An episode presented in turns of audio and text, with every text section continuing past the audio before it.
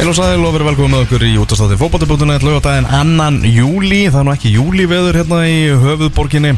Þátturinn á dagskrá til klukkan 2 í dag eins og venja er En uh, verðum hins vegar ekki hérna uh, eftir viku og ekki fara á eftir.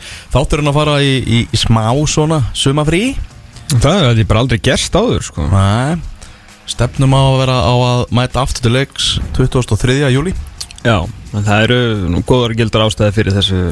Við verðum bara ekki á þessu landi sko. Nei, mitt maður hérna, menn þurfa aðeins að fara í fría nú, hérna, landsinna ég nú geta tekið uh, konuna mína eitthvað aðeins út, út úr svona hennar lifjarring, þannig að við þurfum aðeins að kíkja, okkur, kíkja til útlanda og svona mm. aðeins að hérna vera stúrkuna og þú ert nú heldur betur að fara að vera stúrkurnar Já, og að fylgja stelpunum okkar Já, flýg út á, á miðvíkudaginn og, og fylgjið stelparum eftir hérna á Evrópu mótinu unnur náttúrulega Póland þarna í vináttulandsleik sem að enginn sá nema gummi sem að var á, á vellinum. En eftir þess að ég las það var þetta helviti góð framistæði setni áleikurinn að segja. Já, er mjög fín og, og náttúrulega tíðindi, bandið bara komið aftur á, á Sörubjörg og áfram gag, segða Steini þetta verður þetta ekki byrjunulegi bara sem að verður í fyrsta leik? Jó, ég held að þetta Steini búin að aðeins að ná að tjakka upp í sörunni sko. Hún er vantarlega hlaupið auka kílometr á brettinu og svona komið var svolítið svona bló tannanur skilu hún vantarlega var að tala svolítið svona með ha, svona bitin saman kjálkan sko hann var með það Steini veit alveg hvað hann að gera. Já, Þetta er alveg ástæði fyrir ég er búin að minnast á þetta hérna fimm vikur í rauð sko. Ég var ekkert að fara að trúa því að við værum að fara að lappa út á Európamót Mhm. Og okkar langstæsti leikmaður væri ekki, A, ekki í byrjunleginu og B, ekki með bandið sko. Mhm. Gunni er náttúrulega bara geggjaði sólt sér og bara þetta er Nú bara ordir þessi stort og nú bara áfram gag Það er þannig. Herra, ég setni hluta þáttur eins og eftir Það ætlum við að heyra í, í tveimur mætum mönnum. Það er Bjarki Már Ólafsson sem er komin í nýtt jobb Búin að kveðja Katar, leikreinandinn Nákvæmlega, komin til eh, Stirr Associates eh, Störr, Stirr, S-T-I-R-R Associates Já. sem að ég held að sé pottit eða belgist kompani sem er annars Íslands vinurinn og, og hérna, stórfélagi minn eh, Henrik Böttger vinnur hjá líka mm. svona umbóð skrifstofa þannig að eh, mjög áhugavert að sjá hvert þessi og hvað þessi gríðarlega hæfileikaríki svona leikgreinandi er að fara að gera í raun og vera að stíga svolítið út úr já svona af æfingarsæðinu inn í, já, inn í bara umbóðskristofu þannig að það er áhugavert að vita hvert okkar einn af okkar efnilegustu mönnum í þessum fræðum er að, og hvað er hann að fara að gera. Já, nákvæmlega, í hverju starf hans eh, er fólkið þannig Ákvæmlega Ég laka til að heyra í honum og, og svo ætlum við aðeins að heyra í Davís Nóra Jónasinni sem að var um uh, daginn stattur í, í Sviss í, í höfustöðum UEFA Já, þar ok. sem að við verið var að draga í, umspilið fyrir rundi 21 árs landsliðið.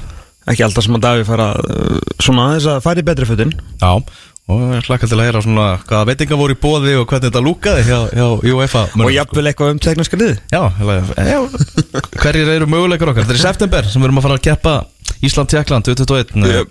umspilsleikir um það eh, hvort liðið verður á EM undir 21 árs. Maður þarf alveg bara að bóra það í hausinu og sér að segja ekki annarsinn sko því að þetta COVID-mótorna, þetta kom bara svo fór. Já, það var svo ógeðslega gaman þegar Arnar og Eiður komuð þessu lið á mótið þegar þeir voru komnir hérna, uppi vegg náðu einhvern veginn að skrúa sér tilbaka og ógeðslega flott hjá þeim en svo var bara, þú veist, Arnar og Eiður taka við landsliðinu Davíð var alltaf fyrsta æfingina sem fyrsta æfing fyrir mót Mm. Eh, COVID, engin áhörvendur er náttúrulega gati ekki neitt veist, þetta, er svona, þetta var ekki alveg sama húlum hægið og þegar þú fórst 2011 sko. Nei, þetta var í Danmörku og Já. bara endalust af Íslandingum og og var þvílík stemming hérna á Ísland-Danmörk lokaleiknum Já, og en það breytir því ekki að staðrendinu svo að undir 21 árs landslið hefur farið tvívegis þannig að það er svona minna sjálfum sig á að segja þetta er í þriðja sinn. Ef við förum, ef við fyrir ef við förum.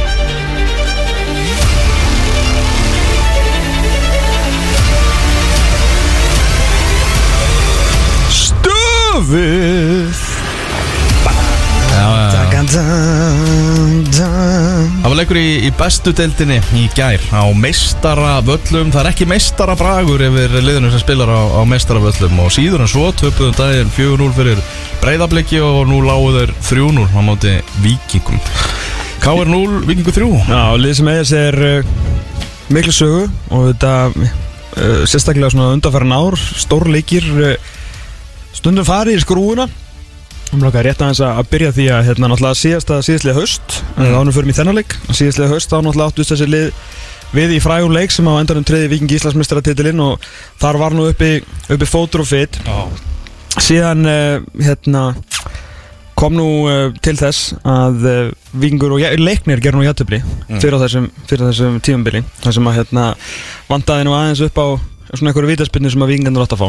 Og hérna uh, ósáttur uh, Tómas Dór Þórðarsson let nú nokkur orðfalla sem hann ætlaði nú ekki að beint að segja. Og ég, hérna, því ég er nú búin að þekkja hann ætla sami dómari sem þetta er svo tóleiki Mm. og ég og Þorvaldur Arnánsson er búin að þekkjast mjög lengi og vera málkunnir mjög lengi og rætt ógæslu og fótbolta og svona um histavellinum og, og hérna og svona það sem ég sagði eftir þann leik sérst leikni vikingur já, og maður leikja svolítið þungt á honum. Spjöllum saman, lengi, vikunni áttum góð spjall og hérna var bara voru farnar ræðan og bara domgæslu í heldina og svona á Íslandi og allt sko, áttum bara mjög góð spjall og hérna, maður vil nú ekki vera leðilegur sko, þó maður er sagt eitt og ment annað þá skiptir það ekki máli þegar maður alltaf þarf að bera ábyrð á orðum sínum sko Mm. og hérna, og ég er svona kannski í að aðeins svo mikið að því að hann hefði nú verið svona hvað var að segja að svona reyna að gera hluti sem var náttúrulega alls ekki að gera. Hann átti bara slagan leik.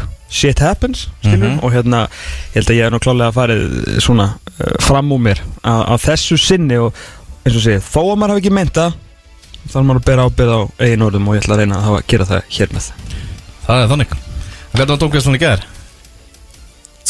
Sko, Ívar Orri. ef ég myndi segja góð þá held ég að káringa myndi fara bara á bara rispa bílum minn sko. Já, en hún var það sko. Já. Sko Sko, sko, sko. Erfið leikur að dæma eins og þess, leikið þessara liða Já, eru.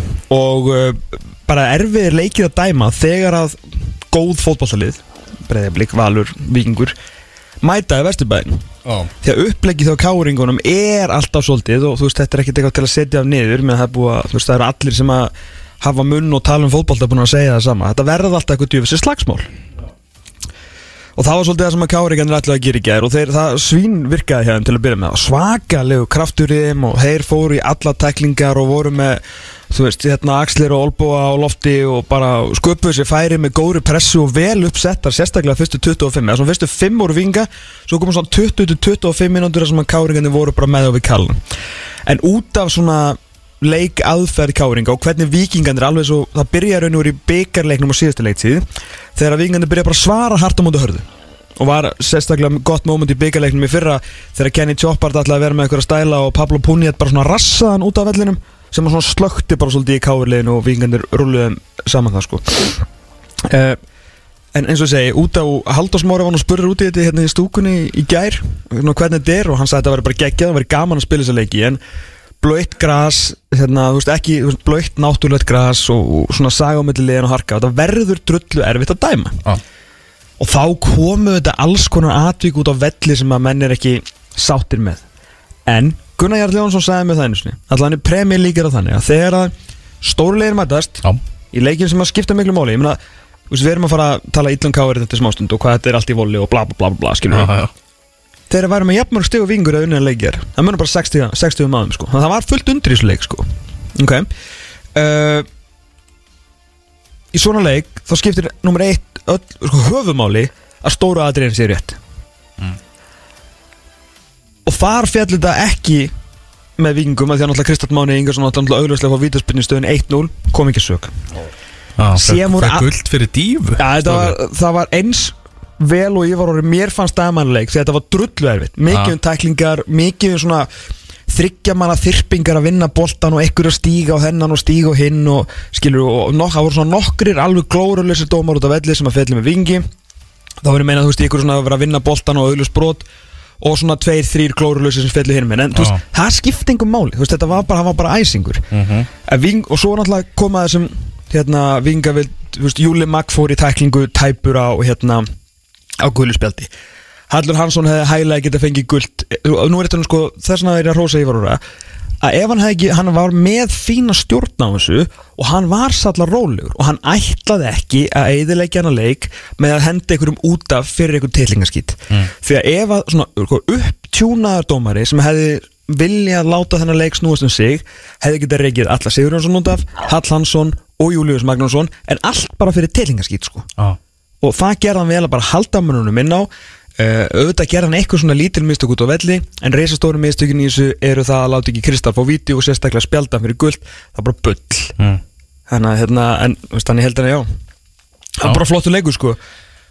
Já, uh, vikingar komast yfir úr vítaspilinu eftir hálftíma leik. Þetta var klaufalegt hjá Kenny Tjópart Já, hann alltaf bara býður hættinu heim eða bara renni ekki boltanum út af og hérna, bara endurstilla málið og koma sér í vörð sko. Af því að það er alltaf eitt við Viktor Örlega hann lítur kannski ekki út eins og hérna, veistu, einhver Júsen Bolt en hann hleypur hraðar með bolta en anbolta sko.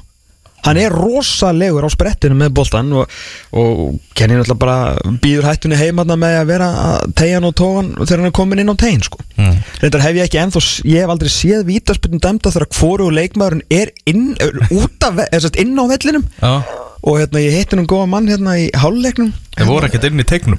Þeir voru ekki inn á vellinum þannig ég, ég, ég bara veit ekki hver er en vant, veist, vantala motionið er og boltin er inn á og allt sko. En þetta var, þetta var, hérna, þetta var áhugavert. Já, svo skoraði Pablo Puniet uh, áhugaverða staðrendur um íslenska fótbolta að segja á Twitter 6 af 19 mörgum Pablo, ég hafði kalla, hann var komið beint úr aukarspytum Já, hann var, hérna, hann hafði ekkit allt og mikinn húmó fyrir þegar Kristall tók aukarspinnuna hann í débóðunum sko. Já, og var ekki svona nálægt í að hitta markið þannig að hann ákvað bara að gera þetta sjálfur og, og greið beitið hann á sovandi mm og Haldur Smári Sigursson getur ekki hægt að skora? Marka óður hann er marka óður og þetta er fyrsta deildamarkið hans. Á ferlinum? Pælið því. Það er rosalega 3-0 sigur hjá, hjá Víkingum. Uh, Kyle McLagan fyrir, meittur á velli á 37. mínúti Já, það var ekki Það var óþarfi Því að veist, Kjartan Henry var bara svona að gera Kjartan Henry hluti og svona búin að missa boltanum og reynir svona einhvern veginn stíga inn í hann bara eins og hann spilar fótbolta. Og ég get ekki verið einu þætti að að að hrósonu fyrir að vera svona einhver katalist á velli og vera leiðilegur og, og ná öllum upp og síðan alltaf fara að drullifina fyrir þetta. En þetta er það sem getur gerst ég meina hann hefði hægilega geta slefti að bróta á kælarna því hann átti aldrei sensi í boltan og var bara svona smá svona perringur í þessu og verður þess að hann er líklega viðbyrðsbrotin og er það ekki out of season eða ekki season ending injury ég meina, það talaði þetta um 6 vikur. Nú er það ekki meira. Já, ég held að vera svakal alveg segir uh, Brynjar Ingi Erlursson já, þannig að hérna það var klár óþarfi hjá, hjá Já. kjartan henni sko. Já, og hann náttúrulega er að fara að missa það er náttúrulega Malmö á þriðjudaginn mm fyrir leikurinn, það er uh, þeir fljúa út á, morgun, vikingandir já, annað kvöld. Já, eða kepp- síðdegis á morgun. Keppa í, í Malmö og Malmö að tapa í gær. Já, og það á móti liðið sem var í næst næsta sæti? Já, Mílós er búin að fá núna leikina gegn neðstu þreymur leðunum held ég í beit. Degerfoss, uh, Helsingborg og, uh, Sundsvall. að þriðja neðsta, neðsta og næst neðsta og hann vann Degerfoss uh, með einu marki og vann Helsingborg með einu marki. Flautumarki? Flautumarki og frá Já. okkur um hérna bara strák í fættum eftir, eftir aldamótin sko. Og hérna og svo tapaði hann í gæð þeir voru 80% með boltan, áttu 25 skot 20 hotspinnur en gáttu nú ekki tróði boltanum í, í blessa marki. Þannig að þetta var nú kannski ekkit svona svakalega svona Mílos framistæð, þetta var nú bara það að þeir náðu nú ekki að skora. En uh, já það verður ekki annars sagt en hlutinni leikið eins á reyði skjálfi hjá, hjá Mílosi þarna því að uh, sænska pressan er nú hún er ekkit sérstaklega ánað með hann sko Nei, og, og, eh, sænska pressan er hörð hún er nefnilega grótörð Já. og mjög skoðanamyndandi Mhm. og mjög áberandi og mjög stór Mhm. og það er mikið fjallað með þessa dild uh, á Expressin í gær til dæmis og þá hérna það er aldrei gott þegar Mílons segir sko hérna, Mílons bara sama hvað þjálfur er bara hei, ef þið vil ekki hafa mig þá bara rekaði mig. Þú veist, hann er komin í þennan, það eru tólfum fyrir búnar. Já. og hann var að segja eitthvað svona heyru, hérna, það eru bara sex mánuðir sem þetta lið vann hérna, allsvenskuna, sem hann náttúrulega vann ekki og það eru sex vikur sem við erum byggamestrar, það er náttúrulega byggarinn í Svíþjóðar spilaður náttúrulega í byrjun tíumbil sko, og hann vann hann sko, þannig að hann var svona að byggja um smá vægð en það sem hann hlýtur að vita og er þá að læra að það er ekki tilneitt sem þetta er vægð í sænskum fótbolta. Hjá Stokkólslegunum sérstaklega og Malmö það er engin vægð. Nei, og Andreas Christensen uh, leikmaður Malmö uh, var að koma tilbaka, var að snúa aftur eftir meðsli í gær. Og hann, skilur, hann veit alveg um hvað þetta snýst þannig að hann hljóp bara til stuðnismannuna sem að ferðuðist þarna 11 klukkutíma til að sjá hann að leiki í, í Sundsvall og fór bara að baða afsökunar á þessu sko. og var svolítið bara að taka hitan og þungan af þessu fyrir liðið. Og þeir náttúrulega kunna svo vel að meta hann að þeir svona róðu sig aðeins niður. Þannig að já, hann fór í þennan pakka í viðtal eftir leika hérna, ef þið vilja reyka mig þá bara reyka mig. Og svo var hérna er uh, kollegi okkar á Expressin sem heitir Victoria Berggren sem er uh, hérna hún er semst, Malmö, Malmö skrýbendin á Já. Expressen Já. og hún hljóð bara í, hljóð sko í premium pistil í dag sem þú það sko borga svona fyrir alveg svona dæmi sko Mm. og bara attitútið og Milos er bara ekki gott og þeir þurfa að fara að hafa áhyggjur þannig að ég, veistu að Þannig að Mílos er að fara bara í funheitu sæti inn í Nei, það verður, á verður ekki heitara sko. Já. ég, ég held, og nú er ég ekki grínast ég held bara, ég bara í hreinskilni satt held Já. henni er reikin í gerkvöldi og þeir myndu ekki treysta sér í að þeir eru ekki að spila vel. Þeir eru búin að missa svíþá mestaratillurum líklega með þessu tabi gær. Þeir eru að skora að meða til eitt mark í leik. Og þó að eh, þeir bera enga viringu fyrir íslenska fótboltanum og Mal- Malmö alltaf að vinna Viking saman þóttir væru sko á botninum í allsvenskunni skiluru Já. með það að Vikingur er búin að vinna núna einhver 8-9 leiki röð eh, þú veist, þeir eru náttúrulega nýbúin að vinna mestardeldina í úrslutleika múti Inter eh, sem náttúrulega er náttúrulega reysa stort tjók hérna, þeir eru samt á skriði. Ah. og meðan Mal, Malmö er alls ekki á skriði.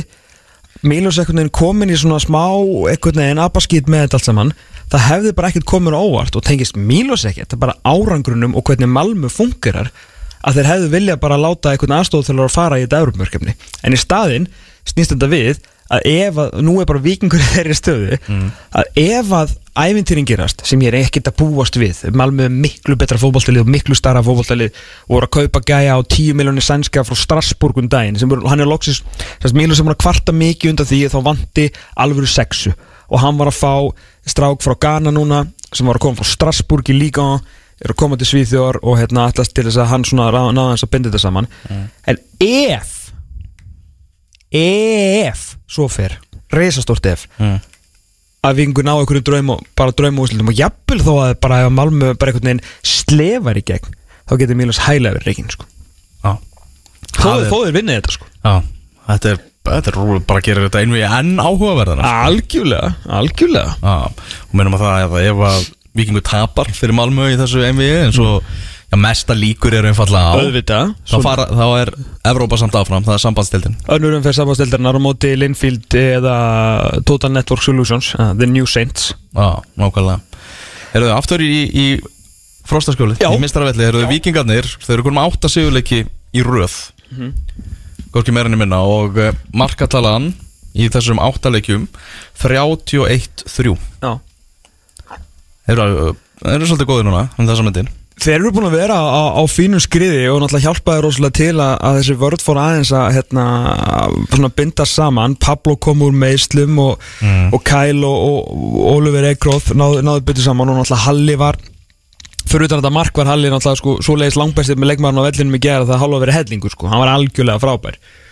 Og það sem að eh, og þessi leikur spilaðist bara gjörsanlega upp í hendurnar á Oliver Ekroth því að þetta er náttúrulega bara veist, þetta er manni sem að líður vel þegar boltin er í loftinu og hann það bara veist, að setja kassan fram og verjast. Því að það sem alltaf var í, í brasið í byrjun og það sem að káringandi gerir svo vel þetta var, sko þegar Rúnar hefur séð skýsluna að þá verður hann fatt að þetta var bara sama uppstilling á móti hérna í, í mestardeltinu um daginn í fórkefni með Viktor Olli hérna meistarameðin og með sko Kyle og, og Kyle, Oliver og, og Halla síðan hérna í, í miðvörunum.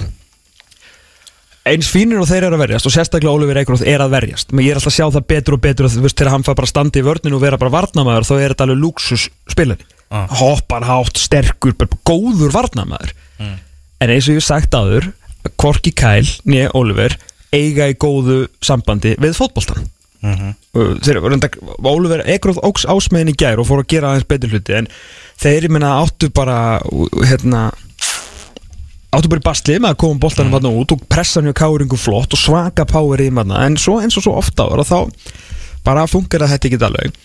En svo er þetta líka bara svona, svona funkar þetta ekki alveg hjá káir til lengri tíma sko. En því um leið og vikingur kemst fyrst þeir náði ekki að nýta færin og þegar vikingur kemst yfir og káringarnir þurfa svolítið að koma framar og ekki á sínum fórsendum að þá var þetta bara game over mm. veist, þá var, þú veist, vikingur er bara betra lið en káir í dag og alveg bara töluvert sko. mm -hmm. Káringar með fjóra sigurleiki uh, einn á heimavelli það sem aðver uh, bestu deildinni Já. uh, það er svona hugsar þú veist með að við umræðan var í kringum Heimi Guðjónsson í kringum Óla Jó svona fyrra á þessu tímabili. Já. það heyrist ekki múk veginn með Rúna Kristinsson. Er hann bara það svakalega heilagur í Vesturbænum ekkert bara í að veist við teplum á tánum í, í kringum hann og, og stúkan var að tepla á tánum í kringum þetta eru bara óöfnir og nýtt ekki færin og þetta er allt saman bara upp og sí. Ah. allstaðar og við erum alveg jafn sekir og allir aðri sko, þú veist, Rúna Kristjánsson var bara á hennar marka, bara virðingin sem maður með 104 landsleiki og, og alla þessa titla sem þjálfar og leikmaður og sérstaklega hérna, þjálfari hérna heima. Hann er bara búin að kaupa sér því líkan veist, hann er bara með svo mikið aukakrónum á kortinu, að, menn, veist, hann er bara ekkert gaggrindur, þú veist, það er bara þannig. Og aftur, við erum gjörsamlega jafn meðsegir og allir aðrir í því. Nákvæmlega. Og hérna, við erum náttúrulega Játum, játum það. Já, já, gjör sannlega dyrkum hennar mann En þetta var sann eins og sjá þá hann í gær. Þeir ætluðu bara að þeir vissu, sko, miðjan Hallur, Pálmi og setur ægin til að fá hæði í þetta. Kjartan Henry mættur hann inn. Herri, þeir spiluðu ekki út af hann marki Bara aldrei. Áriðið 2022 og Beitri Ólason tók, hann læði hann ekki einu svona niður til að fá svona beinarspinnur hann tók bara eins og ég á ennið í Granvalda, hann bara bombað. Að hann alltaf getur sparkað yfir í hintegin svo átti bara einhvern veginn að vona að vinna setniboltan og, og vonast til að fá okkur færi og reyndar gekk það ágætlega, reyndar ekki út frá beiti heldur bara út frá pressunni þeirra sem að aftur var góð. En svo þegar þetta hætti að ganga þá höfðu þeir bara engin svör og þá var þetta alveg jafn einhvern veginn döft og þetta hefur, hefur oft verið. Því að þú veist síðan svo koma þessar skiptingar og maður er bara, þú veist, balansin eða semst unbalansin í þessu liði. Þú veist með einhvern veginn Arnósvein Aðarstinsson búin að vera einna betri varnamörun deildarinn Beitir Ólafsson, bara einna, einna betri markurinn deildarinn síðustu svona 5, 6, 7 árin eða svo, þú veist, eða svona segjum bara í setni stjórnatíð Rúnas með Kjartan Henry, einna betri leikmörun sem hún spilaði, Pálmi Rappn hérna, Theodor Elvar sem var á, á EM sko. Það voru EM, þú veist með þetta svona fimm risaleikmenn og svo endar þetta einhvern veginn í því að uh, endar þetta í því að þeir eru einhvern veginn að spila þarna með Aroni Þórði Albertsinni Sigurði Bjarti Hallsinni Stefáni Alexander Ljúbisits skilur við bara gæða munurinn eh, rekrútmentið er svo skrítið. Já. Skilur, en svo þurfum við alltaf að horfa í það að, að hérna, það er ekkert að því að vera að sækja leikmenn úr deildum fyrir neðan. Ég, mm. ég var mikið að pæla þessu í gær. En því að Helgi Guðjónsson þú veist, ég ætla bara að segja það að Helgi Guðjónsson er betri heldur en Sigur Björn Hansson Stefán Alexander Ljúbisits og Þorsten Mór Ragnarsson. Hann væri þú veist, hann væri í byrjunarlínu á Káir í dag og hann kemst ekki í byrjunarlínu hjá Viking skilur tók samt tíma þú veist, að gera þetta. Jason Dæðis Svanþórsson kannski aðeins og fljótari upp á stjórnu heiminu en maður bjóst við, hann er bara svakalega hæfileikar ykkur og þessi strákar sem hafa verið að koma inn í uh, hérna, inn í þessi lið úr, úr bétöldinni en þessi svona bétöldar sæn hjá uh, káringunum veist, hefur eitthvað af þessu virkað allan svo, svo farið eða? Ekki á, svona, on the long run, sko. Nei, Ekki þess að kaupa upp á síðkastið síðust, á allra síðust ár. Þannig að þú veist, það sem ég veit ekki þú veist, er maður veist, á maður að gefa rúnari þú veist, auðvitað ekki, við, kemur okkur, þeim er alveg saman hvað okkur finnst, sko, ég bara pæli skilur til lengri tíma þú veist, hann er í ykkur svona smá rýbildi og það er náttúrulega ósangjart að ættast til þess að Sigur Bjartur og Ljúbisits og, og, og þessi strákar sko einhvern veginn bara taki þess að deildi einhvern veginn með trompið því að veist, þetta er náttúrulega verið bara að spila ég veit að Ljúbisits var í þess að deild síðast en hann er að spila í miklu, miklu stærra og erfiðara umhverju og náttúrulega er heldur ekki að starta alla leiki. En veist, þetta er bara svona þú veist, eins og fótballið sem þið spiluðu í ger ég meina, hérna þú veist, ekki til þess að setja á nýjar ég, er bara með svona smá pælingu fyrir stuðnis með Kár S- spila þetta aðeins hérna, sem, að, sem að Chris Kay setti í ger Já. Það þarf að lækka hérna í, í þessu hérna.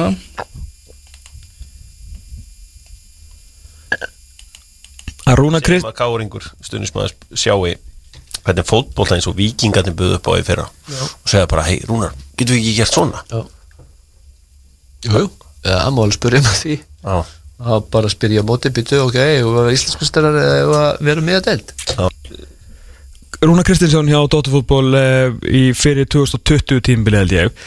Sko maður skilur þetta 100% þarna því að þarna eru þeir nýbúnir að vinna þú veist það er ekki mann, var valumestar þarna eða er þetta ekki þegar þeir unnu það? Já, það ekki. Þetta er Arnór Inga Kristinsson tímbilið þú veist og, og gefur rústu deildinni sko. Á meina þú veist að vikingur á þessum tíma og svo átti breyðablík kannski eftir að koma næsta ár og svona svolítið breyta hvernig svona, spila svona skemmtilegri quote fótbolta. Og þetta komment þarna er algjörlega hérna er algjörlega skilulegt og vikingar áttu meira þess að fara inn í eftir að fara inn í þetta tímabil og vera sko tölvert nærið að falla heldur en að vinna titilir sem er unni síðan ári eftir þetta en svo þurfa að horfa tilbaka. Og þetta er ekki eitthvað til að, svo, ég er alls ekki að pota eitthvað í káringa með þetta því að, veist, hérna, vikingar og Íslandsmistrar og, og breyja blika núna sem spila svipað fótbolta er að fara að rústa þessum móti. Og ég bara pælum, pælum í þróunina sko. mm. þarna bara svona svolítið hlærana þessu. En þeir eru svolítið ennþá að spila svona sama, eða verri fótbolta heldur en voru að spila til dæmis þegar þeir voru mestarar leikmennir, þú veist, góðu leikmennir eru komnir, þú veist, vel yfir þrítugt. Og mennirnir sem einhvern veginn eiga að taka við veist, eru bara hefði aldrei spilað fyrir káður fyrir þreymur árum sko. Þannig að ég bara maður átta sig ekki alveg á hvar káður er og hvert er að fara sko. en síðan, fór, hvað er þess að mörg stig 16 eða eitthvað, það er ekki verið það. En ef ekki verið það, ég meina keflaði og fram eru, hvað, 5 og 6 stigum eftir þeim? Með tóli getið góða? Mhm. en hvað veist þér? mér finnst það bara alls ekki nægilega gott Og ég, þú veist, ég, ég sé ekkit þróununa hjá K.R. eins og K.R. sé að K.R. miklu frekar að vera fjarlægast þessi leið sem maður að tala um heldur en nokkuð tíman að nálgast þau sko. Já, það var kannski það sem ég var að Já, það er alveg betur sagt að þér í 5 árum heldur en mér í 500 En þarna meðsli, Finnur Tómas getur verið frá í, í tvo mánuði Já, Mittist þarna á æfingu og, og það er náttúrulega áfall fyrir það og Kristinn Jónsson búin að vera, vera meittur líka og Arnór Sveit meittur á þessu tímabili. Þannig að svona meðsliðin er ekki, að- ekki að hjálpa káringum allavega. Nei, nei, en ég meina að Finnur Tómas ekki geta neitt því miður eins mikið velkoman sko og Greta Snær sumulegis ekki verið góður. Þannig að Rúnar talaði um það í gær og skellti svona svolítið skuldinni bara á varnarleikin Mm. benti á það að, hérna, þeir eru búin að fá sér jafnmörg mörg núna eftir hálft mótið og þeir fengi á sig allt mótið í fyrra. Það var náttúrulega lagt upp með mjög sterkum varnarleik og, og frábæru markverði. Uh, og það er náttúrulega hefur alls ekki verið upp á teininum og, þannig að þú getur ekki, saknað mikið mannana sem að eru hafa orðið svolítið mikið þess valdir að þeir eru að fá allir þessi mörg á þessu sko. mm -hmm. Herru, hérna, Kalmar Glakan er óbrotin á viðbynni en hann er með slitið liðband 2-3 vikur, þetta er um bara bref Ah, gott bref Og jákvæmt bref Gott bref, Já, bara gott bref já Þannig að það er, það, það er jákvæmt Heyrðu, En, en þú veist, hvað ætti Káar að gera í glugganum?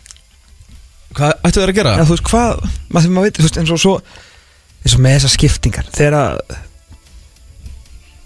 hva, hvað á Aron Þórar Albersson að gera þegar hann kemur inn á fyrir Káar? Já Já, maður er bara að þú veist, þeir eru ekki með bara nægilega góða fótboltamenn í, í breytinni á sér, sko Nei, það er bara þannig Það er bara þannig að þegar menn dettu út þá bara, eru bara miklu lakari menn sem kom inn í staðinn mm.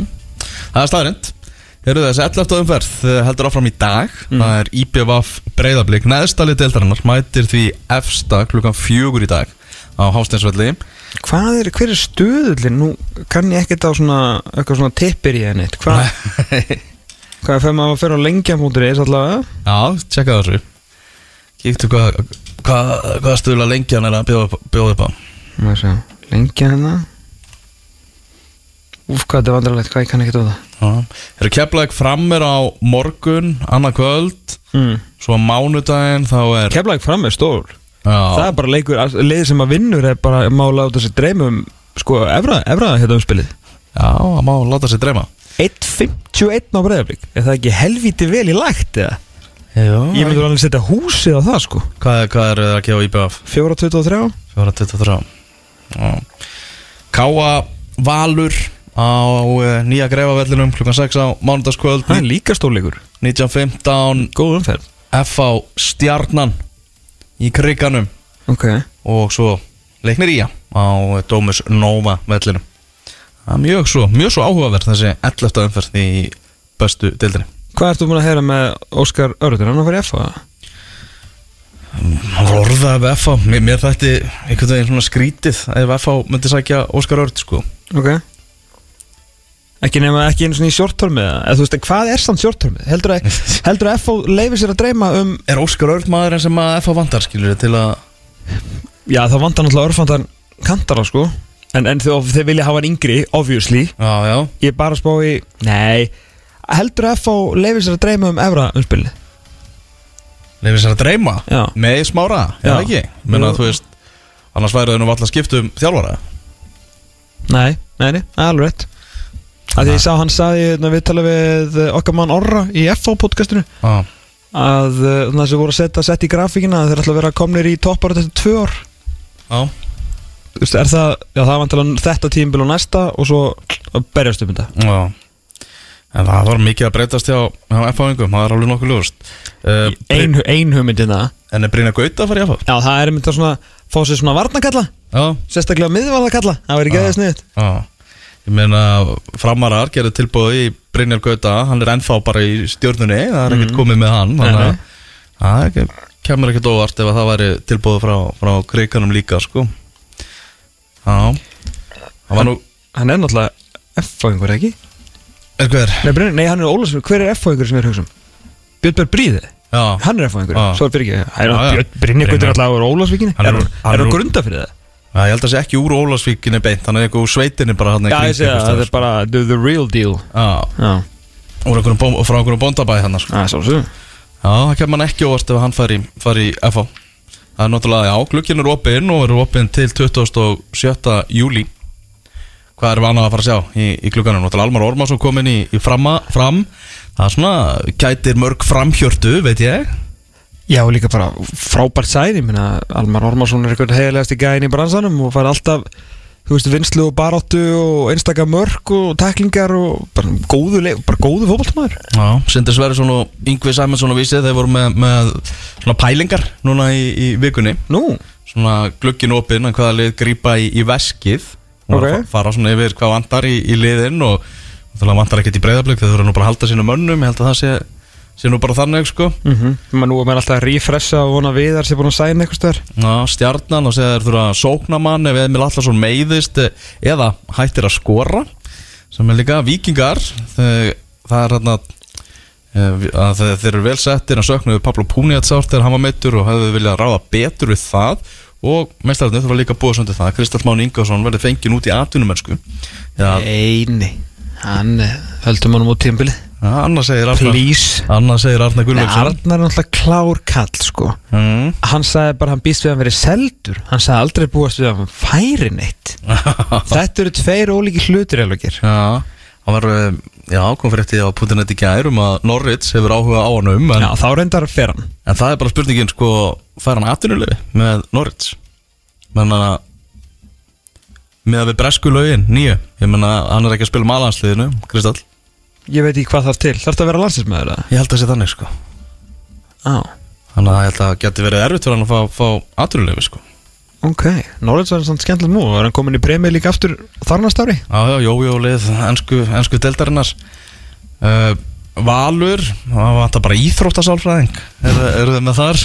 Uh, Káa, miðjumann, fyrst að Sebastian Brepes er farinn Mögulega varnamann ef Oleksi Bíko fer og sterkan markaskorra ef slíkur er á lausu. Já, ekki, ekki meira. Það er nóg sem vantar í Káa Ok. Uh, KR, unga leikmenn með næga hæfileika til að frísku upp á aldrað og reynslu mikið lið. Já, málið er Ég ætla aðeins að stoppa þarna. Ó. Því að að, hérna, Ég átti nú samtal við mann um daginn sem að hérna er svona að reyna að rekrúta fyrir topplið. Og svona að spyrja mig hvort að ég vissi um einhverja svona hvaðan upp var þetta benda á núna í lengjadöldinni og ástæðan fyrir því að náttúrulega sem að hérna, rappi fyrir alltaf í mig yfir þegar ég segi alltaf að lengjadöldin sé alltaf verri og verri er að það náttúrulega er alltaf að vera að sópa upp meir og meiri talent úr betildinni sko. Já, fattur bara á síðustu árum eru búinir að fara úr lengjudildinni bara til dæmis Jason Daði uh, Helgi Guðjónsson Sigur Bjartur Halsson þú veist, Stefán Ljúbisitt fjall og hefði væri í betild, fattur mm Mhm. hver eru fleiri þarna, þú veist, ég veit að fylgir hann hefði náttúrulega, hefur enda fengið hann Unnar Steitt fór í fylgi já, já. Úr fram. Mm -hmm. uh, þú veist, Og veit að Dagur Dan síðan úr fylki Þetta er fjallið. Eftir í fjallu og, og hérna einmitt, þannig að þú skilur er að fara það er bara, það er bara búið þú veist, ef ég myndi spyrja þig núna bara. Mm. þú ert uh, já, minna þú ert káir bara nákvæmlega, það er sem að geta glætt þetta lífi og Já. þú færð, verður að fara nýri betil til að finna á Mm hver er leikmæður? Já, ég bara sé hann ekki Ekki eitthvað sem getur haft alveg áhrif á, á gáir sko. Allan ekki núna Ekki núna í dag Ég meina, þú veist, það er mjög auglust að ég, ég veit ekki hvað, því líkur kiss og death sem ég var í þessari lengi til sko. Bara, mærði lákum í drasl hann vinnur ekki fótboltaleik. Það, það var endur ekki mín orð. Það var, þú veist, ég fer alveg að opin, ef fólk fyrir ekki að láta mig í friði með það þá fer ég að opinbera hvaða þjálfari eftir til sagði það sko, þegar þar var ég bara að spekla orð eins besta þjálfari uh, hérna, og svo Nikolás Val sem, sem er besti leikmann í deildinni. Hvað er hann að gera? var ekki að gera neitt í gerð alltaf Förum í lengjudeldina eftir. Ég, ég þú, getur fengið Nikolás Val Þú getur fengið Kjartan Kára á gróttu En Kjartan Kári mætir ekkit, setur ekkit bara á sig hvít og svörtur endurnar og tekur yfir yfir bestudeldina sko. Mhm. sama hversu hefðlíkaríkurinn er. Rétt. Þannig að markaðurinn er bara svo upp ur þannig að hver ætlar að ná í þennan gæja í þennan gullmól í betild það er eiginlega bara silfurmólar eftir sko. Það er svolítið þannig. Já. Það er, er, það eru silfumóla sem eiga kannski eftir að verða að gullmóla það er svo allt annan mál skilu óslýpaði demantar og allt það. En við erum svolítið að tala um þú veist, what are you gonna do for me now sko? Já. Keflavík uh, vantar gæða miðjumann fyrir, fyrir Ukrænumannin sem er á, er á förum og, Já, og sóknamann í stað Joey Gibbs fæðingar Orlof hans í Ástralíu dregst á langin uh, fram, það er náttúrulega miðvörð það er bara, það er bara þannig. Miðvörð sem liðið getur stólað á og, og mögulega öfluri markvörð segja þeir sindri og yngvi um, um framarana. Tjóður ég til að Brynja Guði minni taka slægin bara með frömmurun Já, FH það er uh, leikmannhópur FH er undarlega samsettur en það þarf meira en einn félagaskiptaglugga til að koma því í lag. Jú, jú. En eða smári hlýtur að skoða það allavega að fá einn reynræktaðan miðvörð og mögulega fleiri leikmenn. Uh, Ía það var forvitnilegt úrræð að fá Garðar Gunnlaugsson aftur í slægin og sín, sínir að Ía vantar sóknarmann. Þeir eru náttúrulega komnir með núna danskan sóknarmann. Kristján. Já. En svo er það leiknir. Leiknismenn hafa skorað fæst mörg allra liða en sjö. Svo augljósa svarið er skæður sóknar eða kantmaður sem getur komið með nýtt og fest blóð fremst á vellinum. Og svo er það IBVF góðan kantmann og markvörð og mögulega nýjan þjálfar ef hlutinir fara ekki að smetla hjá Hermanni Reyðarsinni Já, það held ég. Þetta er uh, grein sem að koma núna í vikunni. Sindri Sverjesson og Yngvi Þór Sæmundsson á, vísi sem voru svona aðeins að, að fabulera skemmtilegt. Mm -hmm. Heyrðu, það var dreigið í mjólkur byggarinn átta liða úslitin núna í vikunni. Hvernig líst þér á náttúrulega? uh, Júli Mag mætti og- Káur yet again. Já, Júli Mag mætti og upp og, og dró káeringana. Já. Maður það bara að vonast þetta er ægi svo annarlega sko.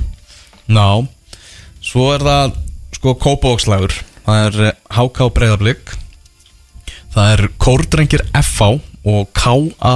Ægir. Ég bara sko Ég vil, væri til að svissa heimavöllum í öllum þessum leikjum sko. Uh, Sammála. Já, fá Ægi K.A. Já. Ég vil, ég skil ekki af hverju það breyttist að næriðildarlegin fá ekki automatik heimalik Já, Stefán Pálsson var að tala um þetta á Twitter sko. Já. Uh, Já, þá En myndi er, einhver- er einhver ástæða fyrir þessu önnur en bara Þetta er bara dreigið En af því bara? Já, það er bara dreigið, það er lið sem kemur undan Það fær heimaleik Ég vil breyta þessu strax. Uh, já, en þá myndi háka breyðablík eins og að fara fram í kórnum samkvæmt þeirri, þeirri reglu. Ég væri til að sjá þann leik frekar á Kópavóðsvelli Já, ég meina við þurfum bara að rúla með högunum sko. Já. En vissulega náttúrulega er þetta líka þannig vantarlega hérna, það komast vera kannski fleiri á káa ægir heldur en ægir káa og þú fær náttúrulega 50% af peningunum okkar bla bla bla. Já. og svo vonustu við bara eftir því að Evrópu liðin spilir sína leiki á sunnudeginum um vestunumanna helgi því, Já. því að það gerist ef að þau komast í þriðju umferð. Það er fínt. Halda þessum mönnum frá brekkunni og bara Já, já, heldur betur. Þannig var byggar drátturinn. Gaman að sjá náttúrulega ægismenn þarna Þannig að þetta verður strempið á nýja greifa vellinum hjá þeim. Já, en ég meina þú veist, fjandinn hefði að komin í áttalegu úrslit bara njóti fara þarna og þú veist, sofi, þú veist, taki nóttin eftir alltaf að henda sér á hérna, hvað heitir bara með píanónu Guðubarinn Götu bara inn já, já. Kolbi Tumi, það hefur farið á kostum þar. Mörg ári, mörg ári röð. Pólamóturinu 2019, það var rosalegt sko. Það var nefnilega eitthvað skellur fyrir Jökul í Kaljó því að hann hérna var á og það var alltaf fólk að fara á þaðan niður til Tuma okkar. Og svo náttúrulega kveiktu við herfði skofana þegar við tókum hérna Barfly með Jeff U með Batta sko. Já, spilum það á eftir í þettunum ja, Endilega. Enda, Evrópu verkefni framöndan hjá, hjá vikingunum líka náttúrulega Já, náttúrulega Evrópu verkefni sem hjá á fimmtudaginn hjá, hjá KR og Breiðabliki. Já. Það eru öll íslensku liðin þau byrja á útivöllum Þannig að þau eru að fara í ferðalög núna í, í komandi viku. Andorra og Pólanda ekki? Jú, Já. Já, blikar maður Andorra og, og, og Pólanda hjá, hjá K-eringum Ok. Það er Þannig, þannig er það, mikið stuð og, og, og mikið stemming. Já, heldur betur. Heldur betur. Herðu þau að fara í lengju deildina Ekkur ég ekki. Jú, kíkjum aðeins á, á lengjutildina næst. Það var að klárast umferð þar, er það ekki, í, í gær Þá eru búnar núna, að flestliðin búið með eh, nýju leiki í, í deildinni. Og það var áhugaverð umferð sem að var að klárast var að já. Eins og allar umferðir í þessari deild. Það er svo erfitt að tala um þessa deild ég veist, gott að með það er bara, ég var að tala um það bara í innkastinu núna, bara eru vestramenn komnir á skrið. Nei, nei, heldur betur ekki Nei, nei, nei, heldur nei. betur ekki töpuðu tvö fjögur fyrir kávaf fyrir vestan Í Á- fyrsta leik segja við þess ekki? Já, í fyrsta, fyrsta leik kávaf undir stjórn Sigurðar Víðissonar. Það er það er það er rosalegt, rosaleg úslitt og Björn Axel Guðjónsson kom kávaf í, í 2-0 svo var það eh, Grímur Ingi Jakobsson sem að eh, skoraði tvíveis og svona til að bæta gráfuna svart þá fekk Túfa hann raukt spjalt hjá vestramönnum í, uh, sendi í leiknum. Og þessi úslitt bara einu óvæntustu úslitt sumarsins í íslenska bóttanum Já, ekki, ekki spurning sko. Ekki spurning. Já, og ég setti náttúrulega, ég setti aðeins á á Twitter þarna því að Nikolai Madsen var í viðtali við danska, Það var áhugavert. Ja, danska fjölmiðla og sagði það bara að hann hefði það skrambi gott á Íslandi og væri að fá borgað hjá vestra bara eins og danskir úrvalstildaleikmenn er, að- er að fá borgað. Já, það sagði þetta að pakkin væri andverði dönskum úrvarsleildalaunum eða bestu liðin í hérna bjöldildinni Já, af því að hann fengi hann fengi vel borgað, væri með laun nei, væri með íbúð og bíl þannig að hérna, útgjöldin væri sama og engin þannig að pakkin hjá vestra uh, væri eins og hann væri að spila í Súperlíka já, og þetta viðtal byrstist í gær mm. og setna um kvöldi þá mæta það að káfa þar sem að leikmenn fá ekki borgað og tapa 2-4 Ég held ekki að þetta rekið káfaf í svona fimm ár fyrir eitt ár af pakkanum að Nikola Madsen, ef ekki meira. Já, og við bara tala um veist, ferðalög og bara þú veist, skilur og bara Viking Light og eitthvað skilur eftir leiki og eitthvað. Þetta er alveg svo snarsteikt veist, við- Það er bara svo erfitt að að segja eitthvað um þessa delt Vestur er að vinna, skilur fjölnu og Grindavík og mæta sem káfa og tapa 2-4 sko. Nei, ég, ég veit, maður veist, veit ekki alveg hvernig maður á að fara sko. Ma- Maður þorir bara ekki að leggja reyna dóma á einni neitt í þessari delt sko. Eru kórdrengir með 1-0 sigur á móti gróttu og e, þeir fóru bara svona það var svolítið svona aftur í, í, í svona grunninn hjá, hjá svona, það var svona yðnar sigur svona eins og sigurarnir sem voru að vinna í fyrra Já, er þið búin að vera eitthvað langt frá því, þú veist, hinga til eða? Já, kannski svona meira búið svona meira spil kannski hjá þeim heldur en, heldur en í fyrra. Þetta var eh, bara ekta kórdrengja sigur í gerð Já, með hvernig deildin er að spilast og að þeir síðan náttúrulega ekki ennþá farnir, þú veist, ú, eiga ennþá sens á að komast upp eftir svona slaka byrjun að það veit náttúrulega Davíð sem eru nákvæmlega hvað virkar uh, fyrir hann og fyrir þetta lið, sko. Þannig að, þú veist, ef hann þarf að ná í stiga múti liðin sem að hafa nú bara verið að spila ljómandi vel og tölverð betur heldur en að búist við eins og grótulið að hérna, ja, veist, og þetta er bara vel gert, já, maður halda markinu hreinu og ná í þrjú mikilvæg stig og hvernig hann aftur bara eins og segi, þrátt fyrir þess að slöku byrjun á þeirra mælikvarða, að þá uh, veist, eru þeir samt ennþá í sen, sko. Mm Ég fór í Árbæn þar sem að fylgir mætti afturheldingu þar sem að fylgir komst í 2-0 þar sem afturhelding gaf þeim bara mörk hérna á silfurfati algjörlega sérstaklega markið sem að Mattias Lossen skoraði það var bara sending frá varnamanni sem hann komst inn í og, og, og skoraði. Alg, algjört silfurfat uh, Elmar Kog- Kogic sem að minkaði munin á 50. mínútu með frábæru skoti.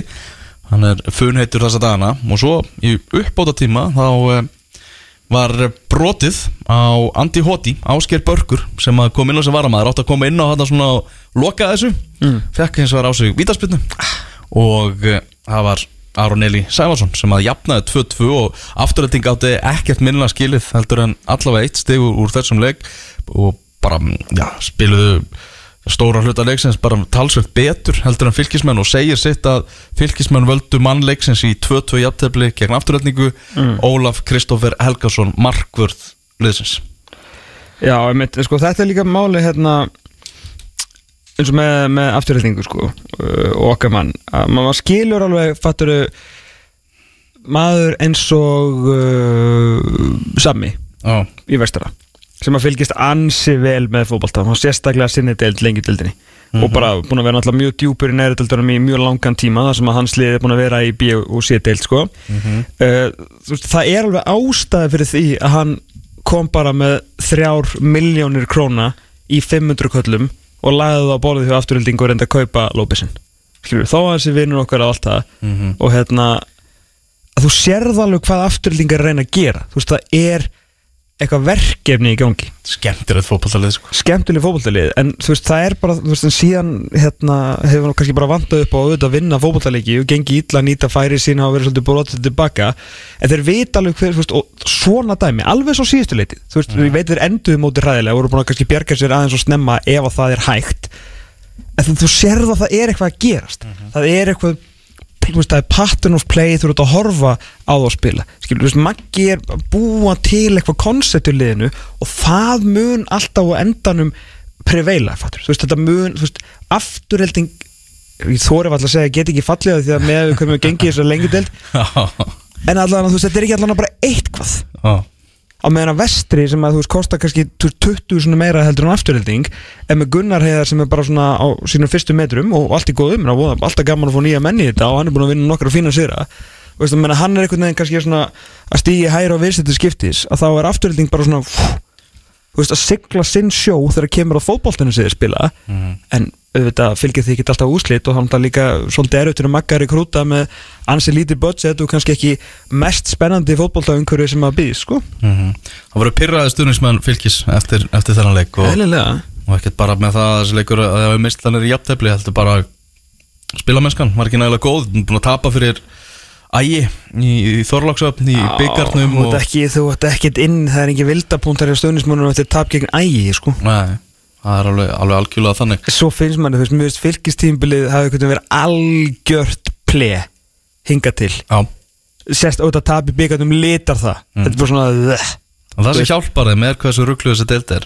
Já, þeir eru bara einu stíi frá öðru setinu, sko. Vissulega háká eftir leikan ef þeir vinna sinn leik uh, eða þeir ekki þrótt vóum þannig að hann er kannski svolítið gefið þeir fara í átján stig þá er þetta tvö stig í, eh, ná er þetta þrjú stig reyndar í, í toppin mm -hmm. þetta er ekki verið það og þú veist, seinni umferðin, þú veist, fyrri umferðin er ekki búin í þessari delt mm Grindavík 2, Selfoss 2 ah, hann hefði kannski ef hann hefði kvilt einni viðbót á móti vingi þá hérna hefði kannski tekið þetta Já, var ekki eitthvað að segja að hann væri meittur eða? Já það er eitthvað eh, hann sagði á punktu neti gera eitthvað, hann væri með hvað, 1 og 3 fjóruðu löp Já Eitthvað að glíma við, meðsli fylgist með textalýsingunni og svona uh, Já, þau komast tvissar yfir uh, Selfissingar og, og, og Grindavík jafnaði bæði skiptin. Og síðan svona í lokin þá virtust Grindvíkingar vera nærði að, að taka öll stíðin þrjú. Og uh, það fekk raukt spjalt uh, til Martin síðan hérna í uppbóta tímanum Dín trilltur á hliðalínunu og fær raukt spjalt frá Gunnari Otti Hafliða sinni dómara, dómara leiksins var ekki meira um það, var hann bara brálaðir það Já, hann var eitthvað, tók eitthvað brjálæðiskastana Mhm. annars hérna herði ég það í gæra að selfessingar voru officially búin að gefast upp fyrir hennar byggaleg það er bara menn nátengdi liðinu þú veist, voru bara að spjalla við aðra skilur svona um hennar leik fyrir þeim og þeir, það voru einhverju sem spáðu þessu 5-0 fyrir vikingi sko það var bara áhugin á að vinna fótballtaleik var að því verist engin sko. Já, bara sáslíkin á vellinum. Heyrðu, ég var að talandi um það, þú veist, þessi ummanni sem er að segja um, um þess að deild þau elda svo hræðilega illa, sko. Ég, ég var að tala um það að þróttu vóum var allavega búið að binda saman vörnina hjá sér.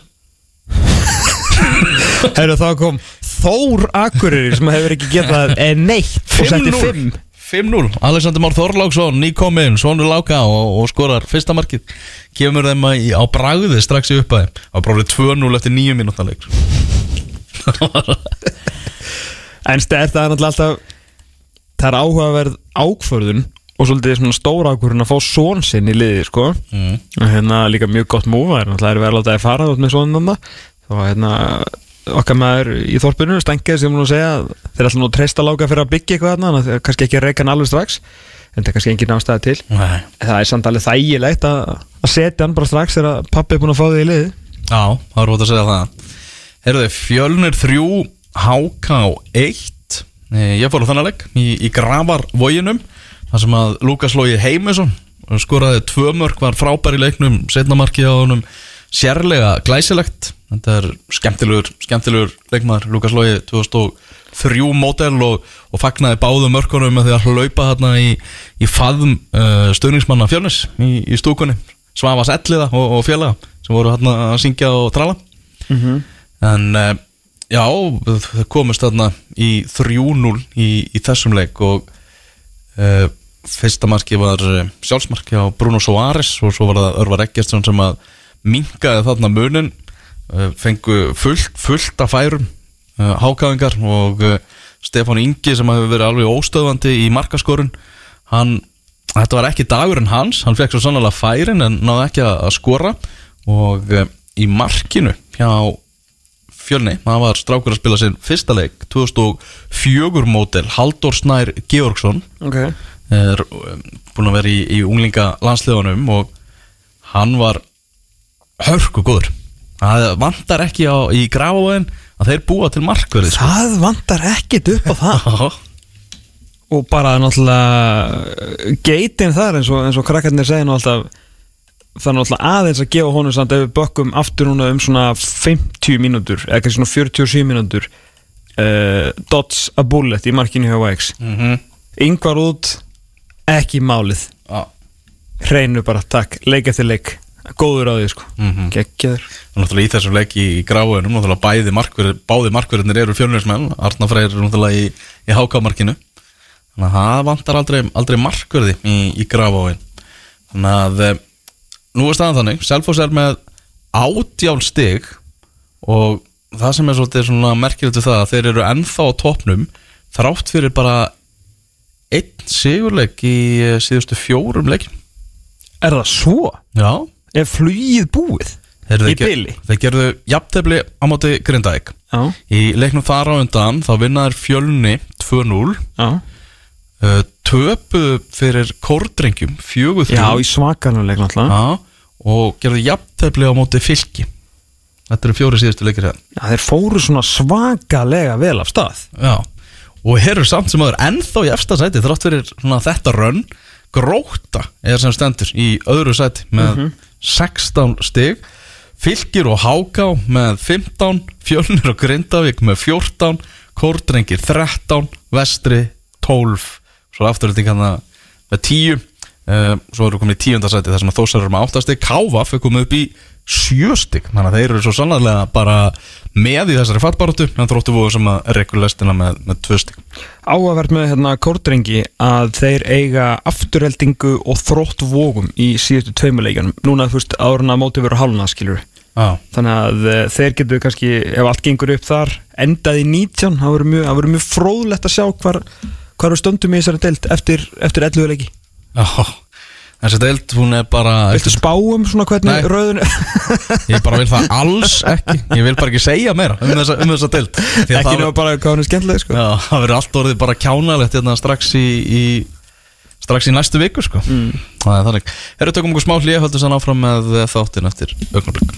Það vorum að tala aðan um uh, svona Evrópuleiki sem eru núna hjá íslensku liðunum núna í, í, eh, í komandi viku. Og þá kannski hægt að nefna það að þeir eru allir síndir beint á stöð 2 sport.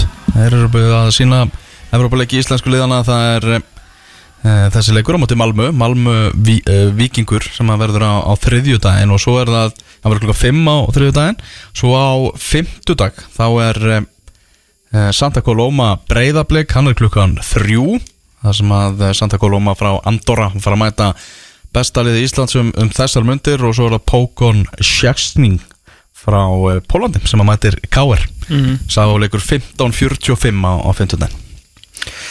Já, þetta verður náttúrulega rosalega erut fyrir, fyrir káðninguna það er, uh, það er alveg morgunljóst sko en, en maður býst nú við bara flugvöldarsýningu frá, frá blíkunum Já, Þótt að gæti verið erut, nú får maður hægt að tala um ykkur flugvöldarsýningar eftir að sé þarna krakkana í internationali Andorra sko. Já, en við vorum að tala með Halla Frankvæntastjóra Víkings hérna á línunni fyrir viku síðan og það var tala um það að við erum ansið nála því að endurheimta fjórða Evrópusætið Já, fjandinn hafi þetta klárist nú ekki. Blikarnir vinna nú, ekki treyst á þeir takki 2-1 við. Þetta snýst alltaf bara um sigur í leikum Já, og bara blikar vinni þess að tvo leiki Já, sem þeir eiga á móti Santa Coloma. Að vinna kannski þrjá af næstu fjórum Eða eða kannski þrjá af næstu sex Eða það Það bara. ætti bara að vera komið sko. Já, og ef að vikingar ná kannski einum sigri hvernig sem þetta fer, kannski sigur í aðtöflu á móti New Sense eða Linfield eða eitthvað ég vil bara, veist, vinna Malmö allt, allt, allt, allt, allt, allt fer hérna fer vel. Að, eh, við þá hljótu við endurheimt þetta sæti við þurfum svo svaka að láði alltaf sko, því að þetta efra umspil verður bara svolítið erfið söluvara hvað þetta var þar næstu tvö árin þetta fyrsta tímbil og svo næsta tímbil líka. Mm Ah, nei. Nei, við, nei, það verður næsta tímbil þá verður sætið komið ekki. Nei, Nei, fattur við að við berjust um það næsta tímbil já. Það verður til, það verður, þú veist, í Já, já, það verður bóðið í Það deildinni verður bóðið í deildinni, einmitt, einmitt. Þannig að það er strax, verður strax annar móla að vera með þetta auka Európusæti því þá er náttúrulega helmingurinn af Európspilinu og leiðinni í Európu, sko. Mhm, akkurat. Þannig að það, það skiptir alveg miklu máli, sko. Heru, það var mikið gleði hjá stundismunni ger Mo Salah, skrifað undir. Heldur betur maður. Já, þetta kom, kom óvart. Ekki eftir að manni fór Ég var ekkert eða búist í því að Salah myndi bara klára hann að samling sinn Það væri að fara í sitt síðasta tímanbil sko. Já, ertu meina að mundi halda áfram og vera svo bara free agent næst Já. Já, ég skilji Já, já, ok Mér setið þetta eitthvað stefni í það sko. Já, þegar þú segir það þannig þá, þá skilja alveg hvað það fara en síðan er þetta bara hvert allan þá að fara og þá er hann árinu eldri er alveg eins gott að fá eitt undursamning og vera algjör góðsögn í lifanda lífi hjá klubbi svo liðbúl, ég held að það sé ekkit sérstaklega leðilegt mm. Og líka því hann sér náttúrulega hvað þeir eru að gera. Veist, það er veist, hann er búinn allt í hennu á þeir alltaf að tala um, heyrðu, bara liðbúl kaupir ekki neitt það er bara eitt enn á hverju ári, bara nabi keita og heyrðu, svo bara á einu augabræði er hann búinn að rífampa framlínuna. Já, með Darvin Núnes, Luis Díaz og Diego Jota. Og svo er hann hann að Sala sem er líka mjög finn já Hann er ágættur í, í fótbolta. Já. hann er, að, hann er að skila alveg ágættustölum Harfi Elliot eftir að spila meira hérna miklu meira næsta ári. Uh, búið að skipta um treyjunúmer á honum og þú veist þetta er uh, hann er svona fljótur að friska upp á þetta uh, hérna Jörgen Klopp og þetta er svona þetta er 90 stíðalið á næst tímbili en hvort það hafi verið nóg gegn þessu blessaða sitt í lið Holland og félögum. Holland og er það hann en af hverju Calvin Phillips bara af hverju fer hann bara frítt til Master City? Af hverju kostar hann bara eitthvað 50 miljonir punda Veist, ennsku landsleismæður, skilur, ég skildi ekki alveg. Mm, það er alltaf sé eitthvað dýl svona Og hvar allar hann að spila? Getur þú útskilt það fyrir mér eða? Verður hann ekki bara vara að skefa fyrir Rodri Já, frábært. Hann fær náttúrulega fullt af leikjum. Hann Guardioli er alveg uh, elskar alveg að rotera hans í mannskapnum sínum sko. Ég er bara ekkert viss um að hann verði starting landsleismæður á HM, sko. Ég meina, ef hann verður bara einhver bekkjamatur og spila deltabyggarinn fyrir, fyrir hérna Master City. Akkur ætti hann þá að vera eitthvað í liðinu hérna hjá, hjá Gary Southgate? Mhm. Ég meina, þetta er allan að þetta er áhætta fyrir hann, sko. Mm Svo er uh, verið að tala um að Tílemann sé næstur inn hjá Arsenal. Uh, Arsenal menna að búin að vera duglegir á, á leikmannamarkanu konum með Gabriel Jesus. Já, þú veist, það er, það er mikið að gerast. Tottenham alltaf orðið ríkjala spennandi konum með, hérna Richarlison. Og Ivan Perisic halda náttúrulega Harry Kane bara en sátur og sæll, Sonarinn áfram og hérna, búin að bæta við og búin að fá Bissúma á miðjuna Konti áfram, þú veist, allt einhvern veginn að gerast þeirra á fínu skriði, Arsenal sumulegis að bæta við sig, Liverpool að halda Sala og búin að fá hérna, Darvin Núñez, mm -hmm. City náttúrulega bara að gera nákvæmlega þessi vilja Chelsea er svona, reyndar í svona smábystu en líklega til að fá Störling og maður svona við segja svona að vera minnst það verið minnst svona gleði núna í júnimánuði hjá stuðnismönnum Chelsea og þá kannski sérstaklega Manchester United. Já, aðeins um Chelsea að þarna Uh, náttúrulega Todd Bowley búin að kaupa liðið og búin að setja sig bara algjörlega í aða hlutverkanda, hann er bara að stýra leikmannakaupunum og viðræðum og, og öllum bakanum. Náttúrulega búið ansið mikla hreinsanir svona bak við tjöldin. Bara allt fólk, Roman Abramovits er bara farið. Ég, já, ég, hérna mér veist, svolítið, sko Todd Bowley veit alveg hvernig að reyka íþróttalið og gengið mjög ágætlega hjá honum hjá, hérna, til dæmis Los Angeles Dodgers. Eh, þó það sé náttúrulega allt öðruvísi game, sko. Mm. og, og það er náttúrulega geturu en eins og öllum íþróttum geturu keftir árangur og það liður náttúrulega er eitt af dýrasta í sögu hafnaboltans í, í bandaríkjanum og honum er alveg sama hvað hann er að borga í, í luxuskatt og, og svona og búin að fara að eitthvað 2-3 sverju World Series og vinna einu svona um, en mér fannst það svolítið mér fannst það smá KSI fningur að þessu einhvern veginn að henda út öllum sem eru búin að byggja þetta þarna. Já, nokkulega það er kannski sérstaklega Marina Grann sko Já, og Peter Jack hann er enda svo nýkominn sko. Ég, svona, ég minni á að gera honum svona, en kannski er bara Marina með allt og mikla tengingar í, í, í Róman og Bóli vill bara svona, hvað maður að segja hreinsa borðið svolítið. Það kemur ekkert orð og hann þekki líka alveg fullt af fínum mönnum og konum sem að geta reikið þetta fótballtalið Já, það, það er óvægt að segja það Já. sko. En, já, Manchester United Maður hefur nú rekist á nokkala stundins með Manchester United núna síðustu dag og mm. mönnum líst ekkert allt og mikið á blikuna Það er ekki komið neitt staðfest. Nei og leikmaður sem vilja mest á öllu leikmaður sem myndi bara frekar nánast vilja leika skóna hillur heldur en að spila fyrir félagið. Já, eða kannski akkurat á þessum tímapunkti. Hann allan verið mjög ákveðið því að vilja spila í Champions League og hann er einhvern veginn engan veginn að ná því að Barcelona hefur ekki efnaði haldunum. Hafa engan áhuga á að hafa hann á launaskrá Nei. en hann vil samt sitja áfram hann reyndar byrjaði miklu fyrir leiki heldur og spilaði miklu meira heldur en fólk heldur fyrir Barcelona síðustu leitið uh, bara er ekki ykkur svakalega uppáldi hjá Xavi. Og hvað og, og svona þeir líta á hann sko þau þurfa að selja eitthvað bara þannig er bara bókaldið og fjárhagstæðan hjá Barcelona. Ég selja og losa launaskrá Já, og Frankie de Jong er bara sá leikmaður sem þeir geta í dag fengið mestan pening fyrir. Mm og, já, og búið til mikið svirum á launaskránni líka þannig að, en hann vil alls ekki fara og kannski meðal annars út af því hvað hann er með, hvað hann er með hálfu en þetta er svona virðist mjakast smá saman. Því þetta er alveg svo þegar leikmenn vilja fara en liðin vilja halda þeim þá vinna leikmennir mm -hmm. eða þegar þeir vilja vera áfram en liðin vilja að þú farir að þá endanum myndu fara sko. Mm -hmm. Þannig að ég, ég held að hann fara ekkert að sitja þarna áfram. En þeir eru búin að stela hérna virðist vera stittist í fyrsta staðfesti hjá United að þeir eru að ná í hérna Malakia, búin að ræna þeim díl af, af uh, Olympic Lyonnais uh, hérna vinstri bagurinn Mhm. en það vantarlega tölvert meira Það vantar svolítið mikið í þetta lið til að þeir geti gert sér gildandi í baráttinu við liðin þarna fyrir ofan já, þetta er tölvert meira Já, og liðin í 50. deildina, Evrópudeildin og, og, og ofan á allt saman sko. United alla sunnunda Já, alltaf á sunnudu, það er þannig Herðu, við ætlum að heyra í Ólafsinni hérna á eftir og þar strax og eftir þá heyrum við í Davís Nóra Jónasinni þannig að það er nóg framundan í útastættinum fókbalti.net þennan lögardaginn Þú ert að hlusta á fótbolti.net á Exinu 977 Ég er hérna áhættu fíkil þannig að ég ætla að ringja í beitni í, í þetta númer. Ég skil ekki okkur og ringdir ekki en að lægi að búið sko. Vegna þess að ég er áhættu fíkil sko. en lastu númeri sem ég sendi þér samt? Já, já. Ég hef aldrei ringt í svona númer. Jú, síðastur ringdi með hann. Það var rétt Þetta er sama númer? Þetta er sama númer. Ah.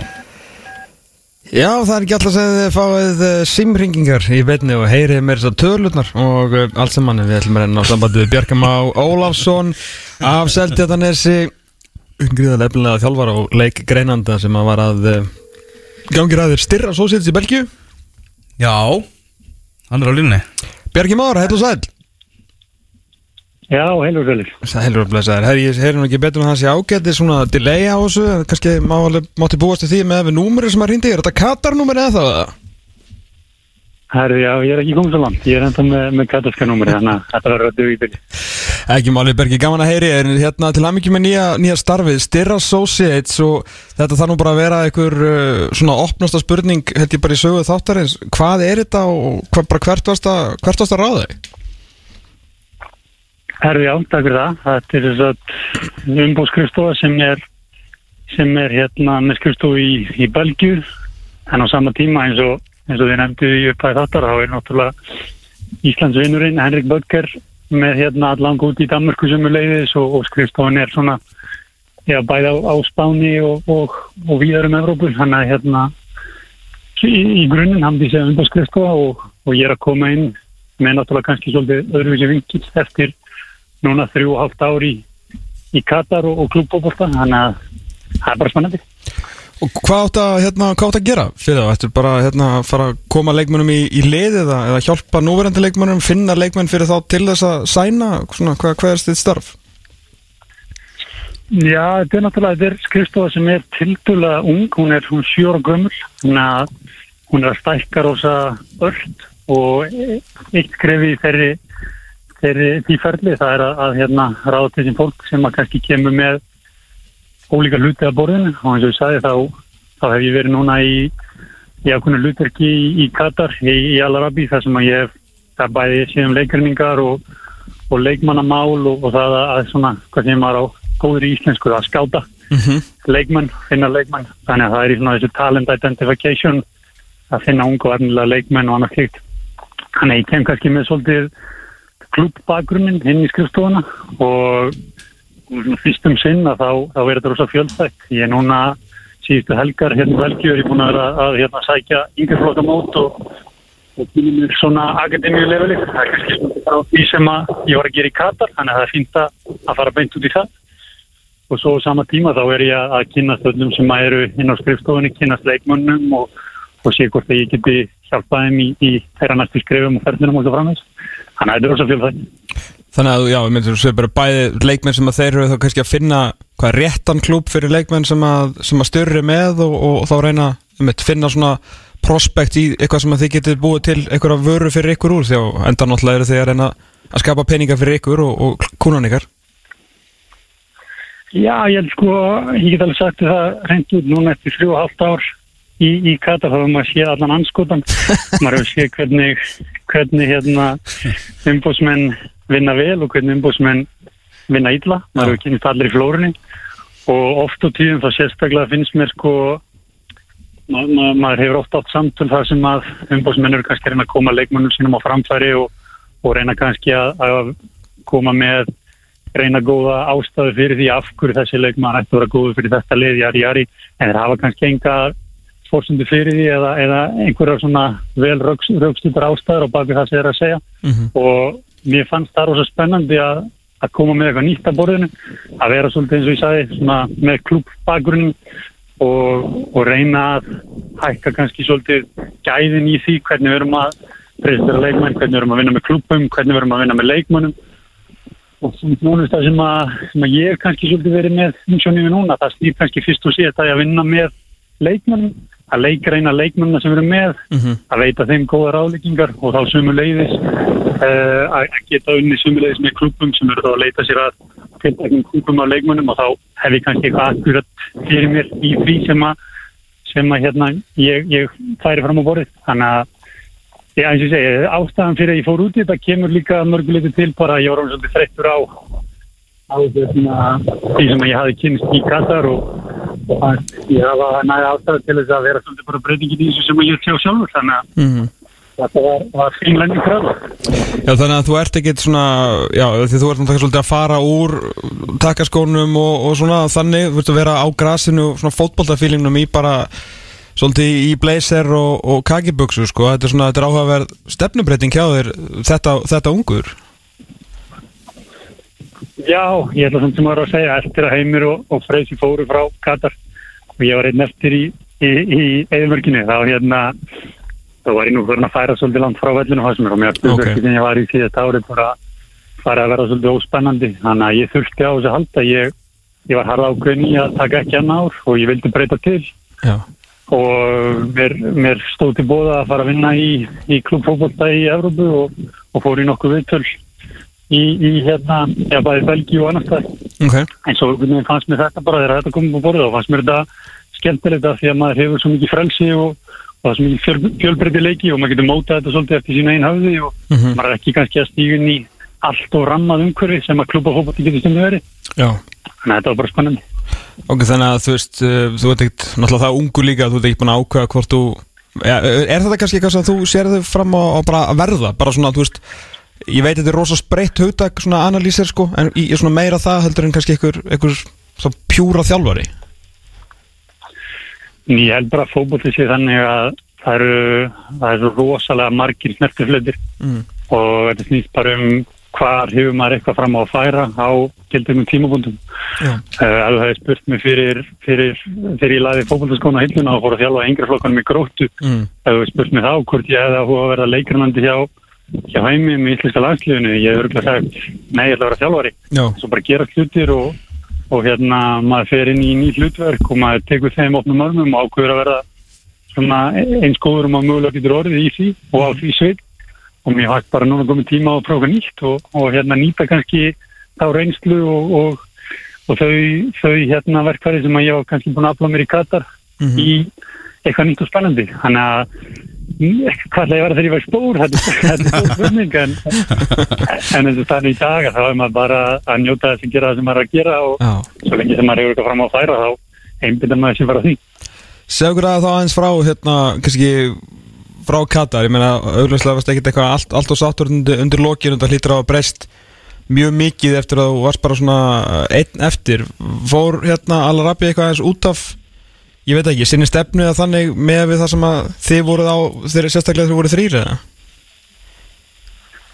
Já, já, ég held að sé alveg ótt að segja það að ég, ég kem náttúrulega með heimi og svo tíma freysi þarna setna og við vorum komin með rosa sterkar dýnamiki í þessu við vorum að gera.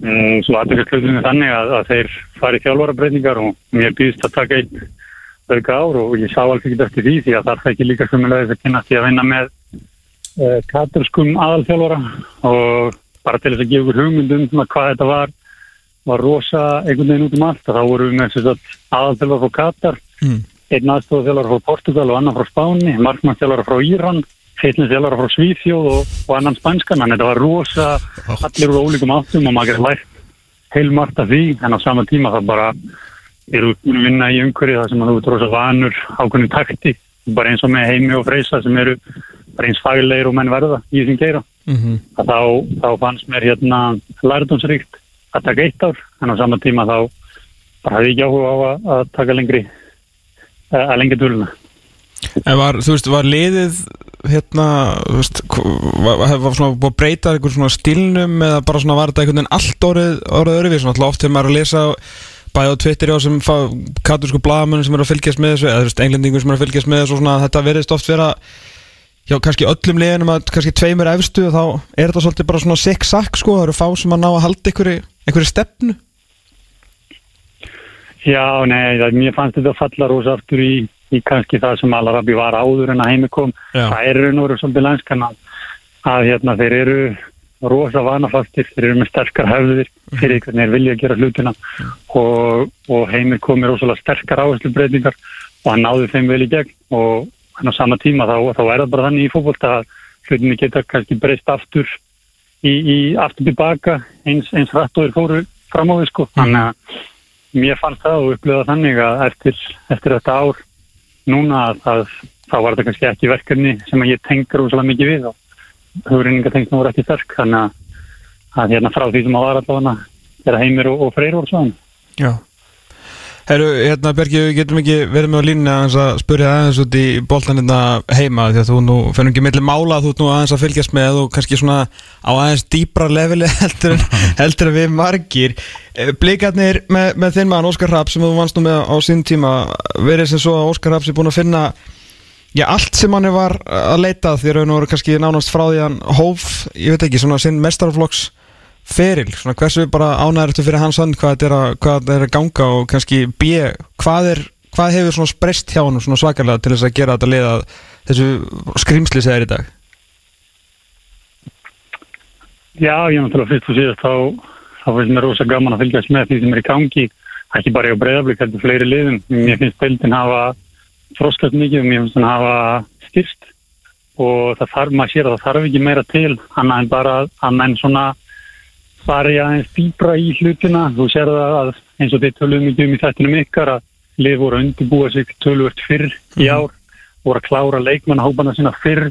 Þannig að takturinn í liðunum hefur finnst mér verið sterkari og breyðarblikið það er kannski það lið sem að hefur ákveðna sérstuða mér finnst bara takturinn í liðinu rosalega sterkur. Þú sér það að breyðarblikið kannski það lið að við horfum frá síðasta tímabili og inn í þetta tímabili þá held ég að breyðarblikið sé eina lið heldur óbreytri varnalínu pluss markmann. Sem að segir okkur að, að öftutu fimm leikmennir hjá breyðarblik bjóður á rosalega stöðuleika og svo á sama tíma þegar þeir eru að innleiða einhverja nýjungar eða einhverja breytingar að þá er það kannski framar á vettum og að að fylgjast bara með kannski stöðuleikanum og, og, og því hvernig liðið hefur hvað liðið hefur þroskast hvað það var þar að að hérna að bara byggja ofan á þeim stöðuleika sem þú skapast. En það svona var helst í styrkleiki bregðarblík og það er rosalega gaman að sjá það. En á sama tíma þá er þetta ekkit eh, og ólíkt tími. Það kannski vera svolítil afvegarleðing og umræðin að tala um að bregðarblík hafi snar breyst frá síðust árum. Þetta tekur á tíma og þeir hafa fengið tíma og þeir hafa náðu að skapa stöðuleika sérstaklega aftast á völlinu og það hefur orðið til þess að að er að ná enn sterkar útlýning Óskar kom svona, á svona tíu manna shortlist. Hvað, hvað sem að það þýðir endar en samt flott fyrir hans nafn að vera komin allavega í þó að sé ekki nema í umræðinum um lið eins og, eins og AGF sem eru þetta stór klubur í, í Danmarku sko við náttúrulega sem erum bara hérna heima höldum að Arnar og Óskar séu bestu þjálfur í heimi því að þú veist þeir eru að gera svo góð hluti fyrir okkar deild. Hvar þú veist hver, hversu, hversu næf eru við Björki að- að svona með að við þjálfarinn þarna úti? Hvar, hvar heldur með að við þína þekkingu og þeir standi? Og hvað þú veist og hversu erfitt er fyrir að, að fá sensin úti Ég held að þjálfarnir sem erum með og þú nefnir Óskar og Arnar og þeir eru nú fleiri, erum með eiginlega góða þjálfara sérstaklega velli í því að, að innlega leikstíl í því að, að skipuleika liði sín, undirbúa leiki og svo framvegs og þú sér það bara í leikstíliðana að, að hérna, það er rosalega stert handbræð á þessum liðum. Uh, en þegar þú talar um þjálfun Erlendis, Mhm. að þá ertu farin að tala um hluti í svo miklu að segja starra samingja því þú ert farin að managera svo marga fleiri hluti. Þú ert ekki bara að þjálfa lið, heldur ertu farin að managera staff, þú ert farin að managera uh, sjúkraþjálfara teimi, það er kannski ekki einhver eitt sjúkraþjálfari sem kemur og fer í hlutastarfi, heldur að þín ertu komið teimi, þú með nuttara, þú með lækna, þú þarf að strímlæna alla verkferðla, þú þarf að hafa yfir umsjá með því hvernig, hvernig hlutnir eru unni. Þannig að stærsta breytingin kannski feli í sér að þeirra þjálfari fer úr íslenska umkörnu, það sem að ég ætla að segja að þetta er rosa svona uh, starfsliðin eru, eru ekki fjölmenn Nei. og þú fær síðan kannski inn í starfstími þar sem að þú berð ábyrð á vinnu og, og þarft að halda utanum kannski 20 manns að það er stóra breytingin og ég held að báðir þessir sem hún nefnir og, og fleiri hafi náttúrulega bara hafi, hafi sterka færni til þess að, að, að annar stað og þetta er bara sterkir leitur, engi spurning. Nákvæmlega. Herru Björki, bara afskaplega gaman að heyra í þér og, og gangið vel í, í nýju starfi. Kæra þakkir, gaman er ykkur. Þeir Björkmenn, bye bye Heyrjumst, bye bye. Það er þetta var eh, Bjarki Már Ólafsson. Þetta er mjög áhugavert. Alltaf, alltaf áhugavert þetta að heyra í honum. Já, það er alltaf eitthvað, eitthvað að gerast hjá Björkja sko. Já. Þetta er náttúrulega er Kingi Mögnu saga fyrir náttúrulega það sem að eh, ekki vita eða ekki muni alveg þá náttúrulega var Björki feikjefnulegu knæsputumæður sem að þurfti snemma frá að hverfa vegna hérna hjartakalla, hjarta, semst, hann var með bara ekki hjarta til að spila fótbolta, fór ungur að þjálfa, var í upphafinu af þessu ævintýri bæði A. Gróttu og B. Óskar Srapskilur var hérna með honum og Dóra í þessu, í þessu teimi, enda síðan sem leikarennandi og bara, veist, hérna fyrir eitthvað að hjálpa landsliðunum og svo er hann allt í hennu komið til Katar með heimi og, og svo stýður hann frá því og núna mættur á, á svona eina mest ört stækkandi umbóðskristofu í, í Európu sko. Nákvæmlega. Sýnir það að það er hægt að gera ímestlegt fleira í fótboltanum heldur en bara að spila og þjálfa, sko. Já, heldur betur og sko, ekki gleyma því að Bjarki Már Ólafsson er 94 mótil Man veit. Ég er 84 sko Þannig að var mjög eðlilegt að spyrja hvað hann ætla að vera þegar hann er stór. Nákvæmlega Það er svo langt í það Nákvæmlega. Heyrðu, við ætlum að vinda okkur næst í Óskalag, hvorki meira en ég minna. Það er svo leiðis Já, þetta er Óskalag fyrir skemmtarnastjóran, sjálfan. Það er svo leiðis Og svo er einum efnilegum leikreinanda í mjög efnilegan þjálfana Hér eh, eftir smá stund Já, bróðum góðu þjálfari. Já, Já, efnilegu samt á stóra sviðinu já. Þetta fyrir Arna Dada, hann uh, er að hita sig upp fyrir, fyrir kvöldið. Guð bless okkur og hann er farin að hita upp klukkan eitt Sitt, ekki okkur, ég er að fara að bólbóla Ég ætla að flýja bara Reykjavík Það er út að sátturinn fótbolti.net hér á X977 og á línunni hætti að vera Davíð Snorri Jónásson, þjálfari uh, undir 21 ás landslýsins. Sætla að blessa þetta við. Já, sælir, sælir, hvað segir þið? Við erum kátir en þú sjálfur. Herri, ég er bara góður, bara mjög góður, mjög Já. góður. Hvað eða, eða helgin í? Herri, ég er svona að reyna að batla, ég er að reyna að batla mig við að koma upp í sögumbústa allavega í dag. Sjá hvað gerist á morgun. Ha, við erum að vinna í þessu. Já, já. Það er þetta eitt dagur ég að svona íhuga þetta og svo leggur stað á morgun Æ, þetta er meira kannski bara að koma tveimur börnum út rúsi, sko. Þetta er meira þannig, sko. Ha, Það er bara þannig. Herðu, þú varst um daginn, þá skelltur þið til Neon í, í, í Sviss, í höfustöðar UEFA, heimsóttir, heimsóttir þær aðeins, hvernig, hvernig lúka þetta, er ekki kristall handrið, handrið og, og svona, hana? Jú, þeir kunna velja staðsetningu, það er nokkuð ljóst. Það hérna, er fallegt hana og ég veit ekki, ég var, var, veist ekki alveg við ætti að búast, ég var aldrei komið hana og Já, mér varst eitthvað, eitthvað við að koma hann inn og svona mikið að sögu á veggjónum, byggararnir og bara mjög flott staðsynning við, við held ég genfa vatnið þannig að þetta var, já, já, þetta var ansi, ansi flott og, og svona vel út í láti alltaf hjá þeim, mm. mega það. Rauðvins gósbrunar og, og svona eins og maður ímynda sér. Já, ég ætla að leiða að halda það bara að það sé ímyndun, ég ætla að halda ímyndunni gangandi. Það var ekki alveg þannig, allavega, ég var náttúrulega í hátinn, það er spurning hvað gerist þetta sex. Já. Ég held að gerist ekkert gott í höfustum UEFA eftir sex sko. Já, já, ok Já. Herra, Þarna var, var dreigið í þetta, þetta umspil og, og það sem að við erum að fara að mæta Tjekklandi, hvernig svona þegar þú fóst í hana drátt, hverju, hverju vonaðast eftir? ég, ég, sko ég fór aldrei að fara eitthvað að þú veist, vonast eftir einhverju eða, eða vonast ekki eftir einhverju þannig að ég bara svona ég var reynskilið með það sko en það var svona allt staffið sett í gang eitthvað svona hvað, hvað hérna, eitthvað, eitthvað nóskalista og hvað maður vildi ekki en, en, en ég veit ekki, þú öruglega maður öruglega geta farið þetta þessu stíð er þetta bara náttúrulega öll þokkarlega góð lið og þú öruglega geta farið við lendum bara á, á hérna virkilega sterkum anstæðingum þannig að, þannig að þú hefur getað fengið aðeins sterkar anstæðinga eða þá þú getað fengið kannski öllítið slagari en, en alltaf hvort sem er þetta verið hörku leiki þannig að um, ferðanlegið á að vera bara fínt. Uh, þetta er gott lið sem við fórum að spila við þannig að þetta verður bara, þetta er bara sé, þetta er spennandi dráttur, mjög kræfjandi en samanskap bara mjög spennandi fyrir okkur að takast á þetta. Mm Tjekkar, með, tjekkar með gott lið en við erum líka með, með alls í gott lið. Já, ég er bara ánægð með lið okkar og hérna, bara, við höfum bara vaksið raunin með hverju verkefni og gert þetta bara nokkuð skipulega og, og leikmenni svona það er náttúrulega, getur gert mikið á einu ári í fókbaltaði, byrjum í september í, í hérna, byrjum í september í, í fyrra og, og, og hérna þannig að það er bara einmitt búið að gerast og þetta búið að vera mikið hérna, breytingu líka í aðlinu þannig að það er bara orðið ennþá mér í breytt til og, og í rauninni allt rósa leikmannahópin að bara hafa tekið já, menn og þurft bara að leysa mörg hlutverk og, hérna, og taka því sem þeir eru verið svona rétt þannig að ég er búin að vera mjög ánægð með þetta og til bara liða okkar að vera á góðum stað og, og bara tilbúin að hérna, reyna, reyna að vera enn betri sko. mm Þannig að hvernig eru bara möguleikar okkar á mótið þessu teknaskali?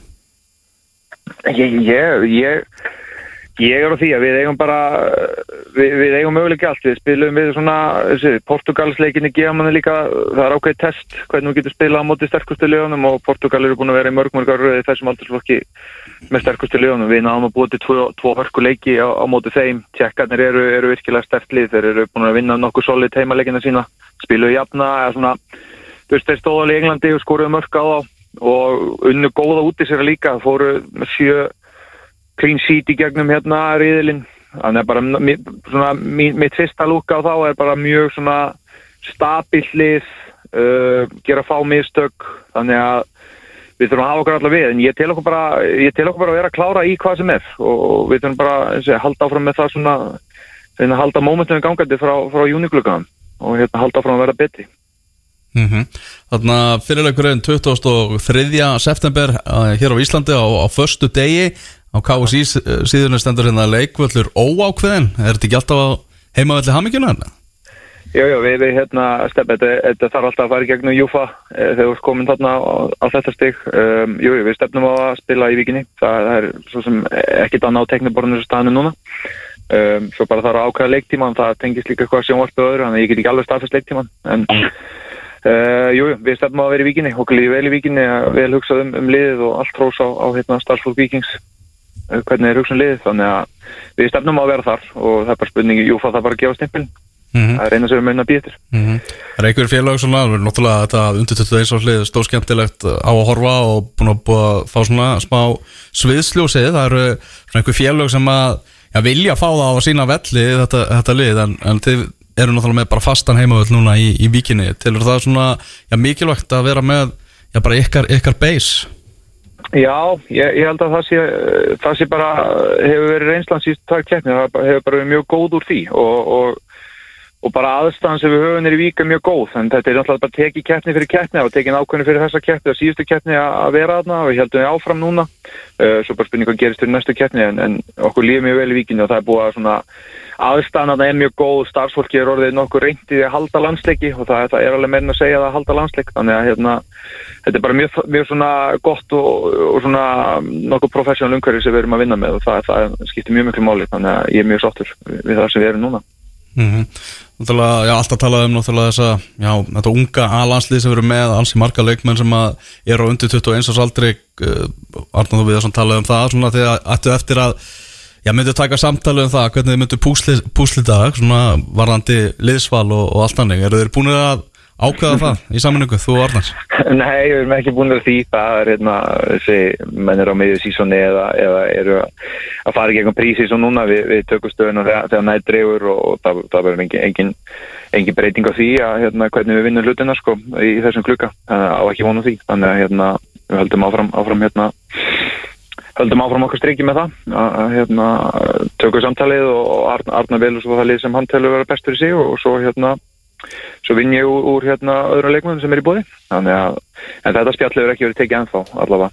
Þegar það er ennþá, það er ennþá dágóð tími í þetta og getur margt gerst á, á hérna á þessum mánuðin sem eru fram að, fram að umspili Mm Núna þegar svona Íslandsmótið er komið vel á veg, margir ungi leikmenn sem er að, að skína skert og eru í stórum hlutverkum hjá, hjá sínum liðum. Það hlýtur að vera, það er skemmtilegt fyrir 21 árs landsinsstjálfarna að kíkja á völlin og, og nóa leikmennum að, líta eftir.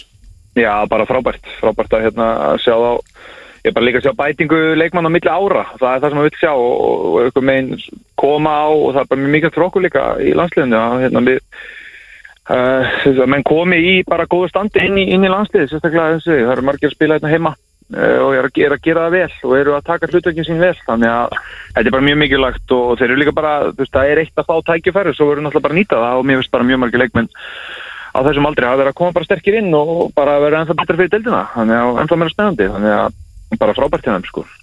Já, algjörlega. Þetta verður stuð, við munum klárlega heyrið þér aftur áður en það kemur að þessum, þessum leikjum í, í september þegar að, að fjörinu kemur. Já, heldur betur maður, heldur betur. Þetta verður þetta verður bara, já, þetta er bara mjög spennandi og við, við reynum að setja upp gott partí.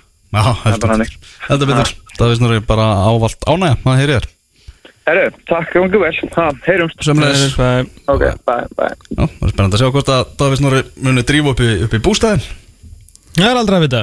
Það er aldrei að vita, hvað er það að gera um mörgina?